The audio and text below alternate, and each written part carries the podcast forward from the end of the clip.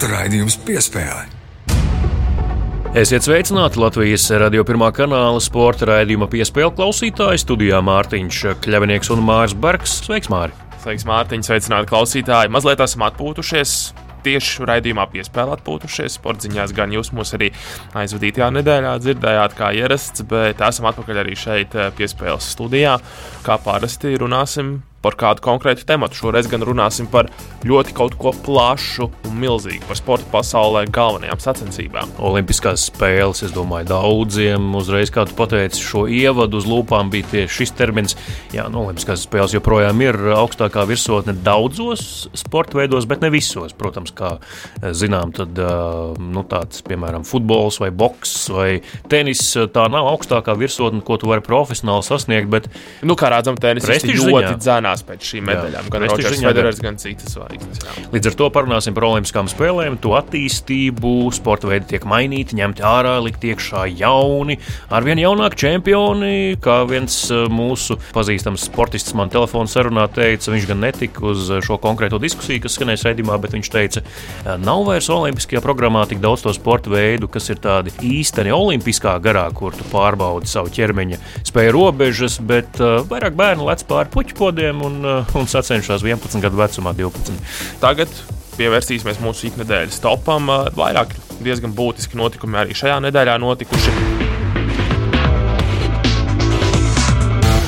ķeramies klāt šīs nedēļas topam, un neapšaubāma topa pirmā vieta, kas nobrieda pašā, pašā piekdienas vakarā. Viss jau bija mierīgi. Mēs jau, uh, kā saka, ar māri gatavojamies brīvdienām, bet tad Es negribētu teikt, iespējams, labākais. Es gribētu teikt, viņš ir pilnīgi noteikti labākais. Jo titulu saraksts ir iespaidīgs. Un viņš ir kā Mihāls Šumahers. Varbūt parādīsies kāds Lūsis Hamiltons, kurš var pārspēt, bet 12 eh, Eiropas čempionu tituli, 11 pasaules kausi, 6 pasaules čempionu tituli, 2 olimpiskās sudraba medaļas. Nu, vienīgais, kas tur pietrūkst, ir olimpiskais zelts. Nu, tāpēc jā, es arī iestrādāju to vārdu iespējams, jo droši vien atradīsies sabiedrībā, jebkur pasaulē kāds, kurš teiks, bet viņa viņam nav olimpiskā zelta. Nu jā, nu laikam jau Mārtiņš jūta, ka vairs nav, ka vairs nav tas, kas bija, un tomēr tie gadi nāk, un cik ilgi var. Tas arī ir tāds jautājums. Nu, tu esi visu izcīnījis Olimpiskās spēles pēc četriem gadiem, ko mēs aizmirsām panākumu sarakstā piebilst. Viņam ir 90 godu piedestāli, 61 no tām uzvara sporta veidā, kur ir 7, 8 posmi sezonā. Apbrīnojami, apbrīnojami produktīvi. Noslēgumā, protams, cepure un neviena nost jānoņem Martina priekšā. Pirms mēs noslēdzam šo šo topu sadaļu ļoti interesanti, un par ko mēs arī vakar ar tevi sarunājamies, sarakstoties. Laikam Tomas gan tomēr turpinās. Tas varētu būt interesanti, ka vecākais brālis tomēr paliek vēl skeletonā. Jā, nu uz to mums atbildes nav pagaidām. Nu, tas paziņojums arī nāca tādā laikā, kad mazliet neērti traucēt. Tur zvanīt, rakstīt, nu, kas ko kā. Laikam jāpagaida pirmdiena, un tad jāpiezvan Tomasam vai vismaz Dainim. Klau, nu kā tad būs? Mazais beidz, vai tad vecākais brauks? Paldies Martinam par 22 uh, gadiem uh, skeletonā. Arī ļoti daudz uh, gada balvu sportā, kā labākajam Latvijas sportistam. Viņš to ir godam nopelnījis, un arī par viņu gal galā ir iznākusi gan grāmata, gan arī filma par viņu un, protams, visu viņa ģimeni. Jā, nu kā zinām, tad abi brāļi, protams, ir jau sākuši jau labu laiku iepriekš gatavojot šo ceļu pēc sportistu karjeras beigām, ir gan ieguldījuši naudu biznesā, gan ir izveidojuši arī paši savus. Līdz ar to jā, jācer, ka Martinam tikpat labi kā sportistu karjerā veiksies arī ārpus ledus trasēm. Varbūt redzēsim viņu kaut kādā veidā ar laiku atkal iesaistoties skeletonā, varbūt nē. Liels un milzīgs paldies viņam par to, ko viņš ir paveicis šī sporta veida labāk, kā viņš to ir attīstījis Latvijā un arī droši vien pasaulē. Un uh, tagad raidījumā paklausīsimies pašu Martinu, uh, kādu no viņa inteliģenti uh, apgrotajām frāzēm, kas arī pārpildīja bieži vien sarunas un intervijas ar viņu. Paklausāmies, un tad topā dodamies tālāk. Man liekas, tā ir diezgan liela kļūda. Kavēties baigi atmiņās, un tomēr jāiet uz priekšu, jāmēģina attīstīties. Un, un ir forši, forši laiks uh, bijis, un esmu gājis cauri, un ir bijis uh, priecīgi brīži, un ne tik priecīgi, bet uh, tas viss piederās pie lietas. Es kaut kur kaut kādā intervijā izlasīju, ka tā ir baigākā kļūda, ka cilvēks uh, balstās baigus pagātni, un ka tā ir tāda nosacīta, nu, neteiksim, varbūt tas degradēšanās pa skarbu teikts, bet tāda varbūt. Nu, tur nav attīstības. Nu, teiksim, es cenšos no bagāta paņemt kaut kādas uh, lietas, um, lai neatkārtotos, varbūt tur ir bijušas kļūdas, attiecīgi tādā veidā, bet tā, ka balstīties rezultātu ziņā, ka tur kaut kas iznācis un tāpēc tas ir. Nu, būs arī turpmāk tā, vajag, vajag viss īpaši sportā mainīgs un īpaši šajā nianšu sporta veidā, kur viss notiek uz simtaļām. Es pieļauju, ka daudz no jums, kuri mūs klausās, ir diezgan neizgulējušies pēdējās dienas. Ja skatāties, ceļaties vai neiet gulēt un skatāties Latvijas junior hokeja izlases mačus pasaules čempionātā, vienos naktī tie sākas pēc Latvijas laika. Līdz ar to nu, vai nu tu vispār neej gulēt un aizēji gulēt ap četriem, vai paguli no deviņiem līdz vieniem un tad celies. Nezinu, kā dara tu māri vai vispār dara, bet es neesmu uzdrošinājies celties un skatīties tiešraidē šos mačus. Nu, tās izvēles tur ir ļoti grūtas, tīpaši, kad spēles notiek darba nedēļas laikā. Latvijas U-20 hokeja izlase Edmontonā turpina pasaules čempionātu hokejā. Mainīgām sekmēm nu, neesam apkaunojušies šajā pasaules čempionātā. Mūsu grupā bija Kanāda, pasaules čempionāta mainieki.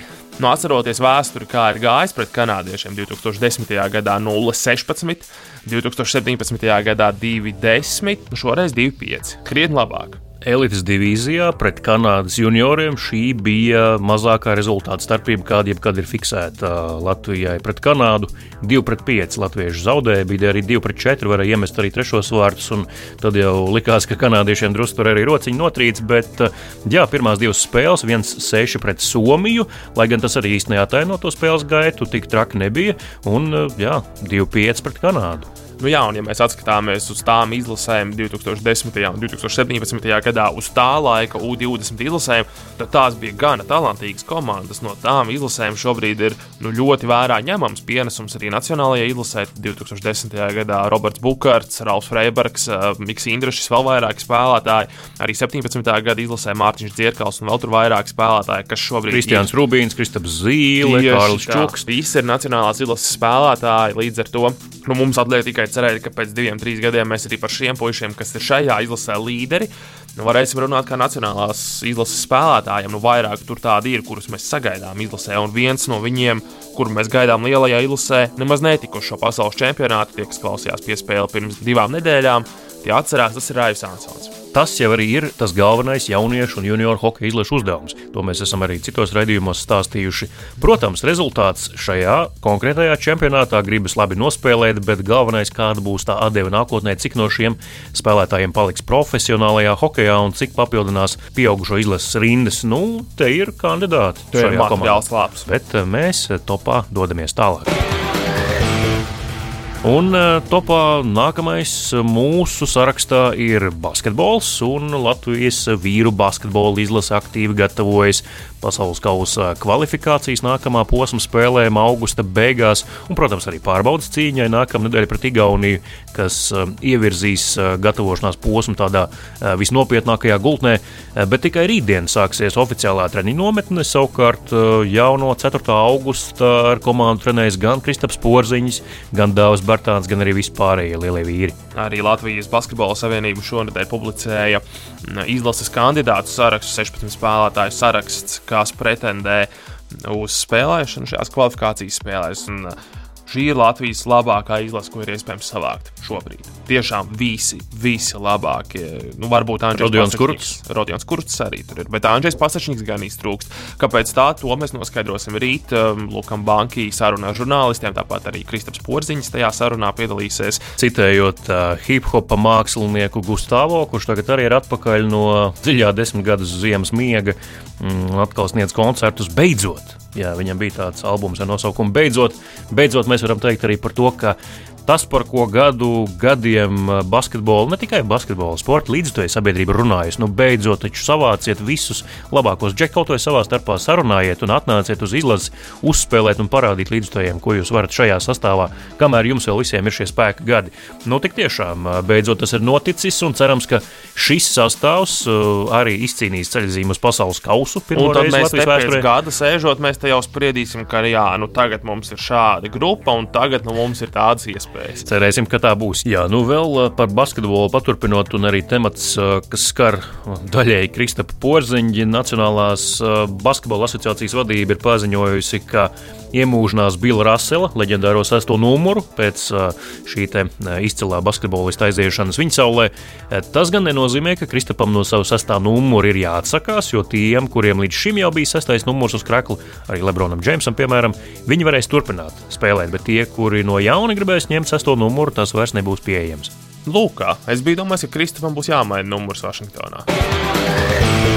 Un eh, nākamais temats mums eh, sporta karalis futbols un eh, Eiropas, UEFA, Eiropas konferences līga, vai precīzāk, un precīzāk, UEFA konferences līga, tās kvalifikācija trešā kārta un Latvijas klubi tur arī startēja. Vienīgi divi klubi, kur joprojām piedalās Eiropasos, abas Rīgas vienības, Riga un RFS. Atšķirīgas sekmes, arī atšķirīgi, protams, eh, pretinieku kalibri, kas stājās pretī, un abas izbraukuma spēles eh, šajā nedēļā Riga ar 0-4 zaudēja piektiem spēcīgākajiem Portugāles klubam Žil Vicente un izstājās no tālākas Eiropas sezonas. Tiesa, RFS gan turpina un ir iekļuvuši izšķirošajā kārtā soli no grupu turnīra, pārspēja viņa malts vienību. Jā, no RFS gadījumā jāpriecājas un jāsaka, ka labi, ka tā.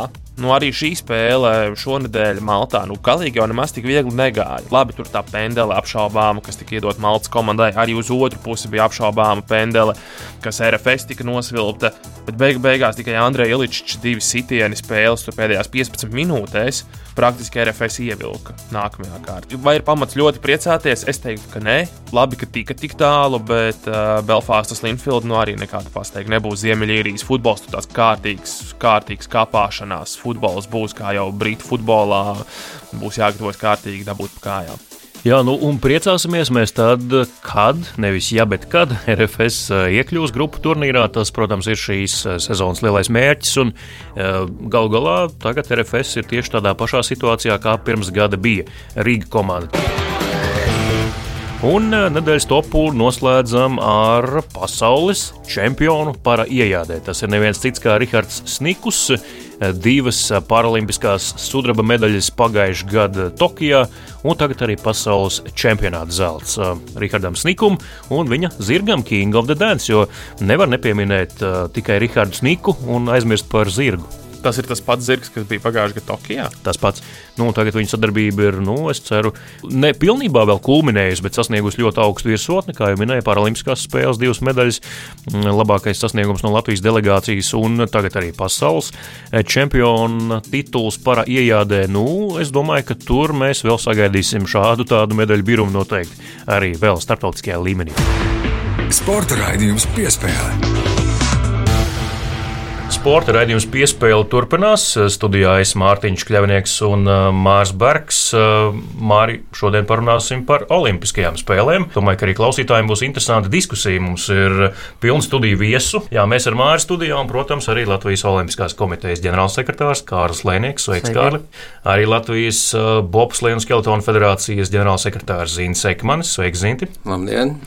Gunārs Galkins, portāla LSM LV sporta žurnālists. Sveiks, Gundar. Labdien!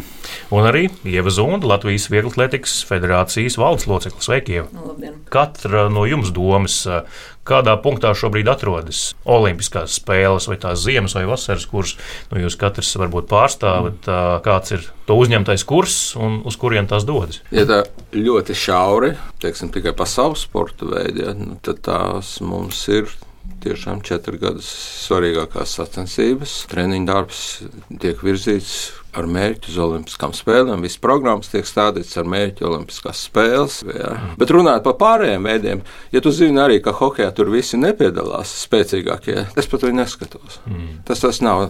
Man ir tā sacensība palikusi. Jā, svarīga sacensība, kur visiem ir apmēram vienādas tās starta pozīcijas. Ir, un, un, Jūs zināt, es tā kad uzaicināja mani šeit, es padomāju, vai tad senie cilvēki, ņemot pēc vēstures, vai viņi ir veikuši kaut kādas tādas uh, stulbas gājienas, ja, nu, vai tad nu, norganizēt šīs olimpiskās spēles, nu, tam bija kaut kāds mērķis, ja, tas mērķis jau bija kā sacensība, nu, tas karš un miers laikam tur bija arī jā, iekšā. Nu, jā, Jā, dosim vārdu arī vienīgajai daļā dzimuma pārstāvē mūsu diskusijā. Ievai Zundai, Ieva Vieglatlētika, sporta karaliene. Mēs ar Māru arī šeit pirms uh, diskusijas runājām, ka nu, vieglatlētiku vispār pēdējā laikā ir grūti pārdot to pašu dimantu līgu vispārējo. Kā tu saskatīji Olimpiskās spēles vieglatlētīgas lomu tajās? Jā, nu, es kā vieglatlētīgas pārstāvis varu Tāpat kā Zintas teikt, ka vieglatlētikā Olimpiskās spēles ir pašas populārākās un svarīgākās sacensības, un tiešām sportisti arī gatavojas šai četrgadus notikumam.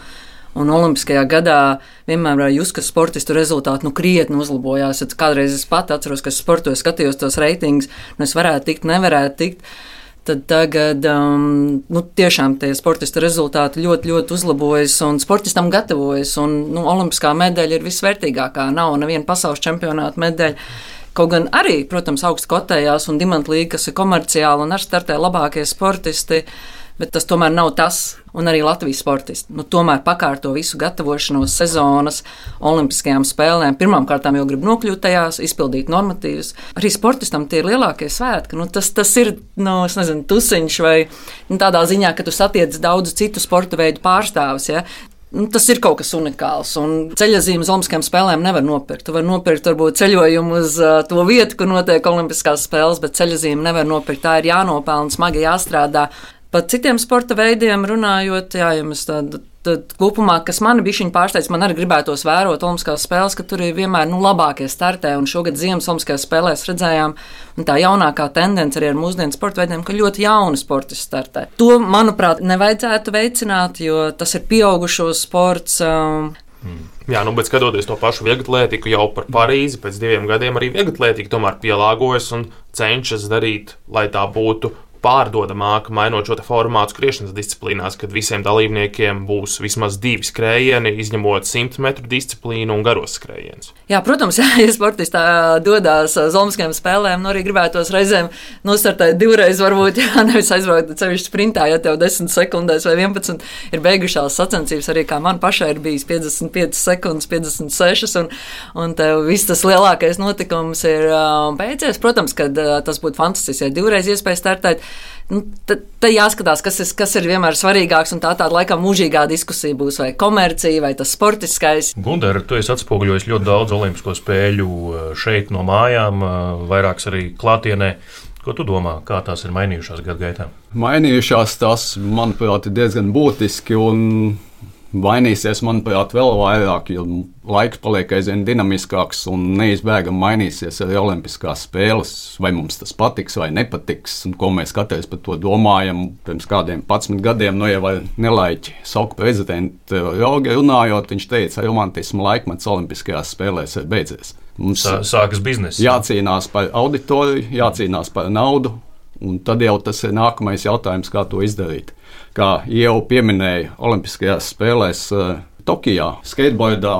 Olimpisko medaļnieku vidējais vecums ir 13 gadi.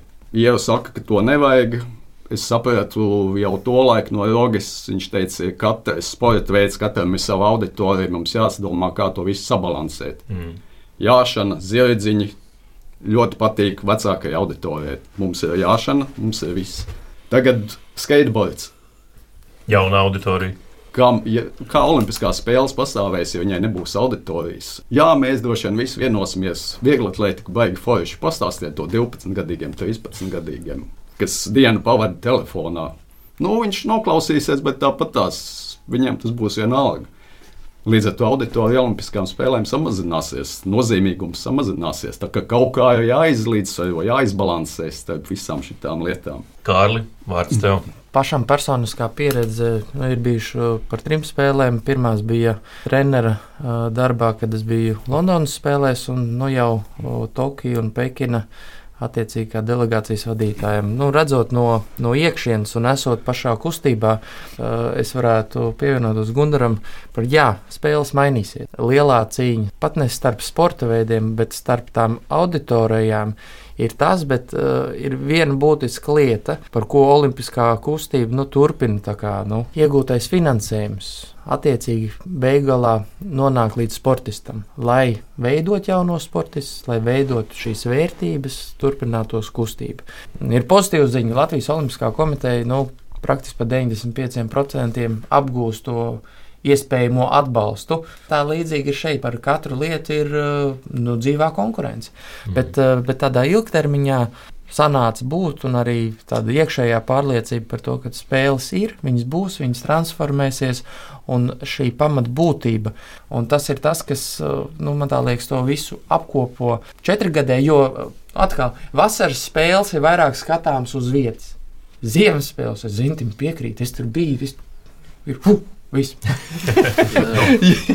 un, bobslejā, nu, un daudzos sporta veidos. Slavenā, slavenie olimpiskie principi, šī sāncensība un olimpiskais gars. Uh, Vai tas nav kaut kur pazudis šajā visā mm, Olimpisko spēļu mainībā? Zini, tu biji 80. gados Olimpiskajās spēlēs kā dalībnieks. Tu redzēji to. Nu, tur bija vairāk lielvaru sāncensību tajos laikos, protams, bet to Olimpisko garu droši vien arī varēja just tagad, kad tu brauc kā federācijas pārstāvs uz spēlēm. To pašu var sajust gaisā, virmojumu. Nu, principā jā. Nekas daudz nav mainījies. Mainījies esmu es pats. Es biju Sarajevas laikā es biju tāds izteikts romantiķis. Neteikšu, ka tagad es esmu cīniķis. bet pragmatiķis. Bet pragmatiķis, jā, vairāk. Ir šī gaisotne, ir. Man patīk personīgi vislabāk virtuve. Pirmkārt, tur ir ēdienu, jā, 24, 7. Jā, 24, 7. Bet otrkārt, tu tur tieši satiec tās zvaigznes. Bet tā bija arī Sarajeva? Jā, jā, tu satiec tās zvaigznes no nu, zināmās pasaules, un jā, tu vari aiziet ar viņu, tur nofotografēties vai palūgt autogrāfu pat. Jā, un pamatā mums ir 24, 7 arī tas, tās darbs un sacensība. Un mūsu sporta veida specifika mums ir divas nedēļas. Divas nedēļas tā sacensība. Nu, die, ir diezgan grūti, diezgan grūti un pabaudīt kaut ko no blakus, blakus dzīves. Jā. Ieva, tu joprojām sajūti to citijus, altijus, fortijus arī komentējot? Jā, noteikti. Kā jau saku, nu, Olimpiskās spēles ir tās labāk, labākie sportisti startē un, un cīnās par rekordiem un uzvarām. Un, jā, noteikti. Vēl viens temats, par ko mēs ar Māru esam diskutējuši, un citiem kolēģiem, un ikdienā arī nereti sanāk par to runāt un, un diskutēt. Olimpiskā medaļa un tās prestižs. Lai kurš sporta veids tas būtu, nav kļuvis uh, mazāks līdz ar gadiem. Ieva jau te pieminēja sarunas sākumā, ka viegli atletikā noteikti nē. Jā, es palikšu pie sava, ko jau teicu pirms tam. Nu, ir bet, ja mēs skatāmies, piemēram, tādus gadījumus kā Vadims Vasiljevskis, nu, viņam tas prestižs ir, bet tas viņam īsti neko nedod. Jā, bet Vadimam varbūt bija tā situācija, ka viņam tīri vajadzēja finanšu līdzekļus. Nu, mēs katrs varam nonākt dzīvē tādā situācijā, un ne jau tāpēc, ka viņam nevajadzēja to medaļu, viņš uzskatīja, ka viņa mazāk vērtīga ir. Vienkārši viņam vajadzēja iziet no dzīves situācijas, un viņš izvēlējās nu, diezgan radikālu soli. Jā, varbūt, nezinu, man nekad nav bijis Olimpiskā medaļa, es droši vien nekad negribētu to pārdot, bet nekad, nu, nu jā, zin, kā dzīves situācijas ir dažādas.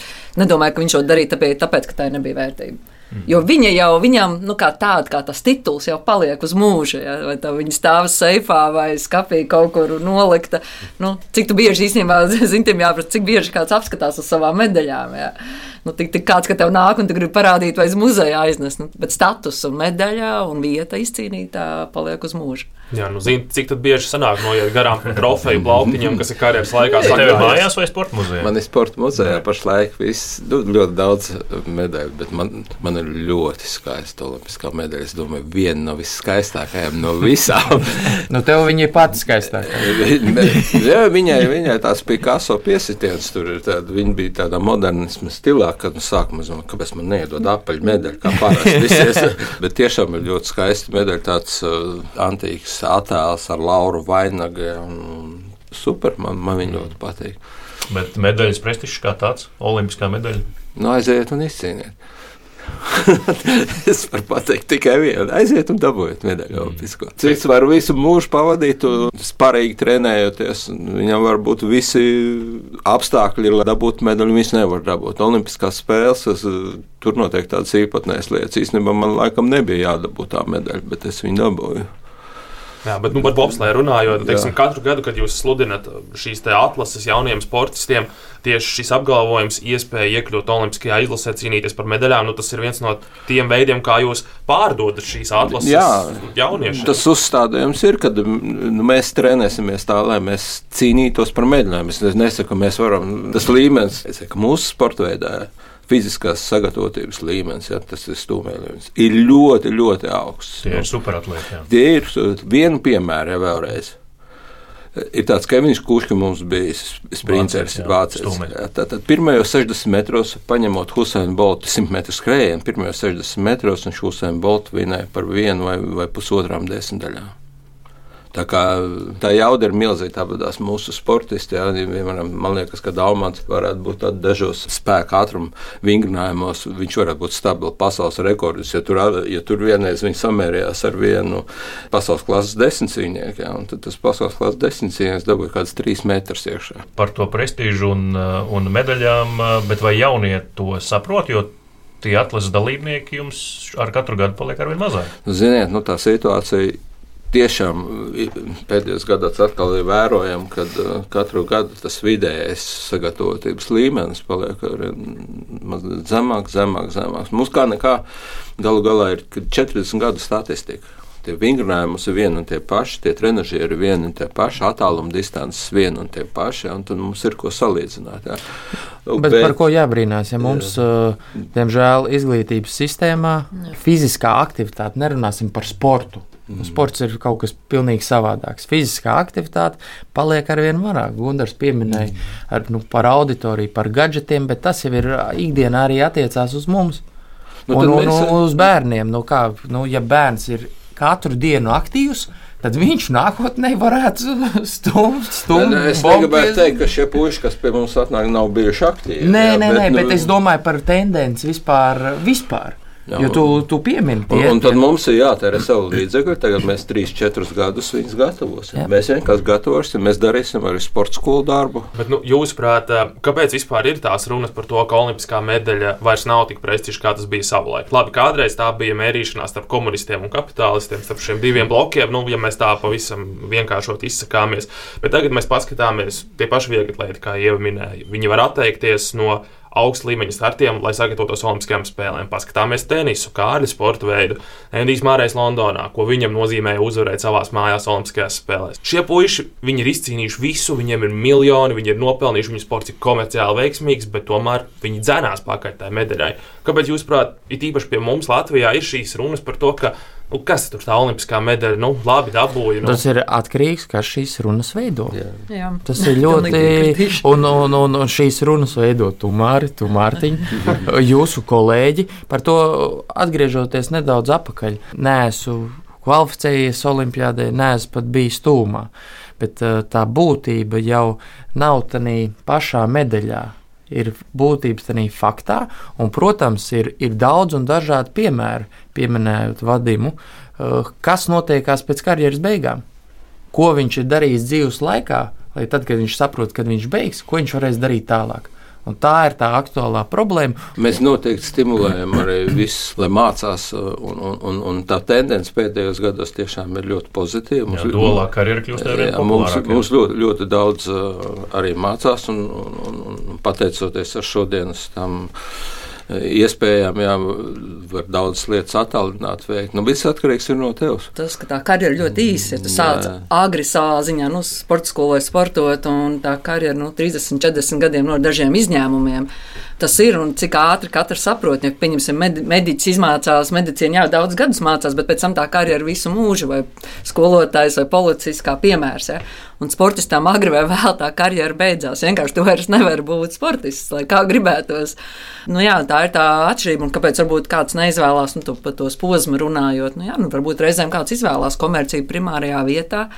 Nu, kas ir saprotams, jo tā ir iespēja nopelnīt, jo ar olimpisko medaļu ne visās valstīs nopelna. Nu, jā, Latvijā to ļoti augstu novērtē. Un, Bet nu, tiešām, kā Zīns teica, un izcīnīt, tas nemaz nav tik, tik viegli izdarāms. Gundar, tu arī dzirdi tās runas ikdienā savā vidē vai burbulī, ka olimpiskā medaļa ir zaudējusi savu prestižu? Man liekas, tas lielā mērā ir no tā, ka šī olimpiskā kustība pārāk ilgi jutās pašpietiekama, vēl līdz neilgam laikam, ka viss notiks pats no sevis. Mēs esam uzmanības centrā un tur būsim tāpēc, ka mēs esam mēs. Nu, līdz brīdim, kamēr attapās, ka tā nu tomēr nebūs gan. Un Tāpēc es jūtu, ka tagad gan Latvijā, gan arī pasaulē tiek vairāk piestrādāts pie tā, lai atgādinātu gan šīs vērtības, ka nu, nav gluži tā, ka nauda dzīvē viss izšķir, gan arī pie tā, lai celtu popularitāti. Bet tā kopumā medaļas vērtība joprojām ir tikpat augsta kā bijusi. Es domāju, medaļas vērtība ir tikpat augsta. Vienkārši daudz vairāk, kas kļūs apkārt šim olimpiskajam sportam. Parādījās Latvijai NBA zvaigzne. Protams, ka tas aizņem daļu no informācijas lauka. Hokejs Latvijā ir populārs, NHL, mūsu jaunie talanti. Tas viss aizņem kaut kādu mediju vidi, kur nav neierobežota. Tāpat cilvēks velta kaut kādu ierobežotu laiku tam, kā viņš medijas patērē. Tas, kas manuprāt, nodarbina jau vairākus gadus, un par ko arī aizklausās, cik es saprotu, ir diskusijas motoru sportam, Olimpiskajās spēlēs, jā vai nē. Kārli, kā tur tagad ir situācija? Tā jau Galu galā Losandželosā Startautiskā automobīļa federācija ir starp kandidātiem, un runas ir par to, ka FIA tur varētu iesaistīt kartingu. Tā, ir, nu, tā tiešām ir bijusi tā līnija, kas ir novilkta. Nē, cilvēks, tur beidzas cilvēku spējas, tur pārāk daudz iesaistās kaut kas no malas. Bobslijā tehnika, protams, bet tur galvenais joprojām ir cilvēks. Riteņbraukšanā tāpat BMW šosejā. Vienreiz jau medaļas ir dalītas motosporta veidos. Mm. Tas tās Gunga klausītājiem. Neatceros, vai 900. vai 908. gadā Vācijā atzīstas bija Olimpiskajā mm. programmā, oficiālajā. mm. kā pieminēja, sacensības notika Southamptonā, bija slikti laikapstākļi, daļas atzīšas atcēla, un tos, ko es izcīnīju medaļu, neviens īsti pat neredzēja. Interesants fakts, jā. Bet Kārli, kā tur ir? Ko Soks domā? Nu, par to, ko Soks domā, es, es varu tikai pateikt, ko es domāju par to. Ko tu domā? Viens ir tas, ka tur ir tā, tā mašīna pieskaņa. Būsim reāli arī airēšanā. Daudz ko nosaka, un bobslijā daudz ko nosaka tehnika. tehnika. Filozofiski viņi ir top līmeņa atlēti, ir ieguldījuši darbu. Ja spēles grib transformēties uz to pusi, nu es nezinu Es skatoties no tāda atlēta puses, ja viņiem ir kaut kā viņi vienādi spēles, visiem kārtīgi vienādi, un, un izcīnās, kurš ir labākais braucējs. Tīri teorētiski, nu, es tur nezinu. Bet Bobslijā jau viss nebrauc ar vienādām kamerām. Nu, bo, jā, bet bob, Bobslijs ir cik gadus jau Olimpiskajā ciklā. Viņi šeit šobrīd grib spēlēties ar kaut ko pilnīgi jaunu, un tas ir tas, par ko mēs runājam. Spēles transformēsies. Jautājums, kā? Jā, jā vienīgi jā, par to ir pajautā droši vien tas, ka tas nav, tā nav runa par programmas pieaudzēšanu, palielināšanu. Jo, tas ir par to, ka kaut kas ir jāsaka. Ja, ja kaut kas jā. nāks klāt, kaut kas būs jāzāģē nost. Jā, bet es, gribētu tieši teikt, ka es kā skatītājs, ko jūs ar sākumā pieminējāt, nu es labāk redzētu augstākā līmeņa, jeb labākos motobraucējus, autobraucējus nekā nu, tiešām futbolists, kuri nu, nav labākie pasaules futbolisti, nepiedalās Olimpiskajās spēlēs. Tad, man liekas, tā skatītājiem būtu daudz interesantāk nekā skatīties kaut kādas valsts U20 vai U23 izlases dalību tajās. Es domāju, paldies, dāmas un kungi. Es domāju, mēs varētu runāt vēl stundām ilgi. Olimpiskās spēles tik tiešām ir plašs un interesants temats, bet nonācām pie viena secinājuma, ka tās mainīsies. Tas ir jāpieņem. Kāds tas būs virziens, to jau mēs redzēsim. Sekosim līdzi. Paldies visiem diskusijas dalībniekiem. Kārlis Lēnieks no Latvijas Olimpiskās komitejas, Zina Sekmans no Latvijas Bobslēgas Keltona federācijas. Ieva Zunda no Latvijas Vieglatlētikas savienības un arī Gundas Galkins no portāla LSM.CLV. Un arī es Mārtiņš Kļavinieks un mans kolēģis Mārs Bergs no raidījuma piespēle. Paldies, tiekamies nākamreiz! Paldies, ka atnācāt! Tik, tikko parunājām par Olimpiskajām spēlēm, eh, to izmaiņām gadu gaitā un kur tas viss varētu aizvest nākotnē, bet eh, šobrīd esam eh, nonākuši pie vienas tradicionālas, bet varbūt ne tik bieži skanējušas raidījuma rubrikas, kur ieskatāmies vēstures lapas pusēs. Tātad diskusijā pirms brīža runājām par to, kā ir un kā varētu būt nākotnē. Protams, arī pilno diskusijas ierakstu meklējiet visās raidierakstu vietnēs jau tuvākajā laikā. Tas tur pavisam drīz arī nonāks. Nu, paklausīsimies tiešām, jā, kā tas ir bijis Olimpiskajās spēlēs eh, pirms daudziem, daudziem gadiem. Vēstures stūrītis. Olimpisko spēļu vēsturē kopumā ir bijuši vairāk nekā simts sporta veidi, kas notikuši vai nu oficiālās spēļu programmas ietvaros, vai arī bijuši kā vienas vai divu reižu demonstrācijas sporta veidi. Šajā lielajā skaitā, protams, ir tādas stabilas vērtības kā vieglatlētika, peldēšana, riteņbraukšana, paukošana un vingrošana, kas, starp citu, ir vienīgie vasaras sporta veidi, kas tikuši iekļauti pilnīgi visās Olimpiskajās spēlēs. Taču savulaik medaļas tikušas sadalītas arī tādās sacensībās, kas mūsdienu sporta līdzjutējiem šķīstu amizantas un liktu pasmaidīt. Viens no populārākajiem un veco laiku sporta tipiskākajiem veidiem bija virves vilkšana, kurā medaļas sadalīja piecās Olimpiskajās spēlēs, un titulētākā valsts bija Lielbritānija. Šis ir tas sporta veids, par kuru dažkārt tiek runāts, ka to vajadzētu atgriezt Olimpiskajā programmā. Mūsdienās tas tiek rīkots pasaules spēlēs, kas ir lielākais neolimpisko sporta veidu pasākums. Tomēr ir bijuši arī krietni dīvaināki sporta veidi par virves vilkšanu, piemēram, voltižēšana, kas ir vingrošana uz skrejoša vai lēkājoša jājoša zirga muguras. Šāda jāšanas sporta disciplīna notika Antverpenes Olimpiskajās spēlēs 1920. gadā. Zelta medaļu gan individuālajā, gan komandu ieskaitē izcīnot mājniecei Beļģijai. Sportisti, kas pārsvarā bija armijas virsnieki, izpildīja akrobātiskus vingrinājumus stāvot uz zirga muguras, par ko saņēma vērtējums no tiesnešiem. Voltižēšana bija daļa no militārās apmācības, lai trenētu karavīru līdzsvaru. Mūsdienās tā ir arī starptautiski atzīta sporta disciplīna. Tāpat interesanti atminēties kādu nesenāka laika sporta veidu, kas bija Olimpiskajā programmā trīs reizes no 84. gada Losandželosas līdz 92. gada Barcelonas spēlēm, proti sinhrono peldēšanu, taču nevis duetā vai komandā, bet gan kā solo disciplīna. Šeit, protams, rodas jautājums, kā sinhronijā peldēšanā var sacensties peldētājas pa vienai. Atbilde uz to ir diezgan interesanta. Solo disciplīnā peldētāju uzdevums bija būt sinhronām nevis ar pārinieci, bet gan mūzikas pavadījumu. Neparasta izskatījās ne tikai pati disciplīna, bet arī tās norise 92. gada spēlēs, kad tajās tika piešķirtas divas zelta medaļas. Tas tādēļ, ka viena no tiesnesēm nospieda nepareizo pogu, un kanādietei Silvijai Frešetai kļūdaini piešķīra 8,7 nevis 9,7 punktus, kas viņai maksāja pirmo pozīciju. Pēc ilga apelācijas procesa gadu vēlāk Kanādas sportisti savu zelta medaļu saņēma. Zelts netika atņemts arī ASV pārstāvei. Jāpiemina, ka Frešetai Barcelonā bija jāstājas uz starta ļoti atšķirīgā emocionālā stāvoklī kā konkurentēm, jo nedēļu pirms Olimpisko spēļu sākuma sportistas vīrs izdarīja pašnāvību. Pēc 1992. gada solo disciplīna zaudēja vietu Olimpiskajā programmā, taču tā joprojām notiek pasaules čempionātos. Lai šī disciplīna nebūtu pretrunā ar sporta veidu nosaukumu, 2017. gadā tas bija viens no iemesliem, kādēļ oficiāli sinhronā peldēšana tika pārdēvēta par mākslas peldēšanu. Sentluīsas Olimpiskajās spēlēs 1904. gadā bija vienīgā reize, kad olimpisko čempionu noskaidroja niršanā uz attālumu. Sportista uzdevums bija ienirt ūdenī no baseina malas un, atrodoties zem ūdens, veikt pēc iespējas tālāku distanci bez roku vai kāju kustināšanas, tātad nemēģinot ar kustībām sevi dzīt uz priekšu, esot ūdenī. Distance tika izmērīta tajā brīdī, kad bija pagājusi tieši minūte pēc lēciena, vai arī sportista galva bija izmērīta iznirusi no ūdens virsmas. Uzvarētājs Viljams Dikijs no ASV šādi veica 19 metrus un 5 centimetrus. Ļoti daudz neparastu sporta veidu bija otrajās vasaras Olimpiskajās spēlēs 1900. gadā Parīzē. Tā bija vienīgā reize, kad šaušanas sacensībās kā mērķi tika izmantoti dzīvi baloži. Kopumā sacensību laikā tika nogalināti gandrīz 300 putni, un mūsdienās šīs sacensības nepieskaita pie oficiālā medaļu kopvērtējuma. Nākamajās Olimpiskajās spēlēs īstos baložus jau aizstāja ar māla baložiem.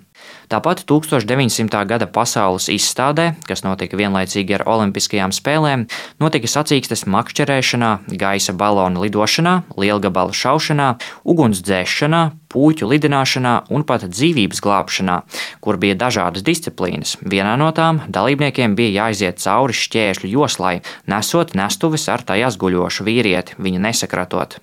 Protams, šo sarakstu mēs varētu turpināt ar vēl daudziem amizantiem sporta veidiem no pagātnes, un iespējams tajā iekļaut arī kādu no mūsdienu olimpiskās programmas. Bet, jebkurā gadījumā, šie sporta veidi ir daļa no olimpiskās vēstures, un tie ir spēlējuši savu lomu, lai olimpiskās spēles gadu gaitā attīstītos un kļūtu par tādām, kādas mēs tās pazīstam šodien. Latvijas radio pirmais kanāls, sporta raidījums piespēle. Studijā joprojām Mārtiņš Kļavinieks un Mārcis Bergs. Līdz ar to arī šis raidījums par un ap Olimpiskajām spēlēm izskan. Paldies, ka klausījāties šonadēļ, un mēs būsim atpakaļ jau pēc nedēļas. Uz tikšanos! Uz sadzirdēšanos! Sporta raidījums piespēle!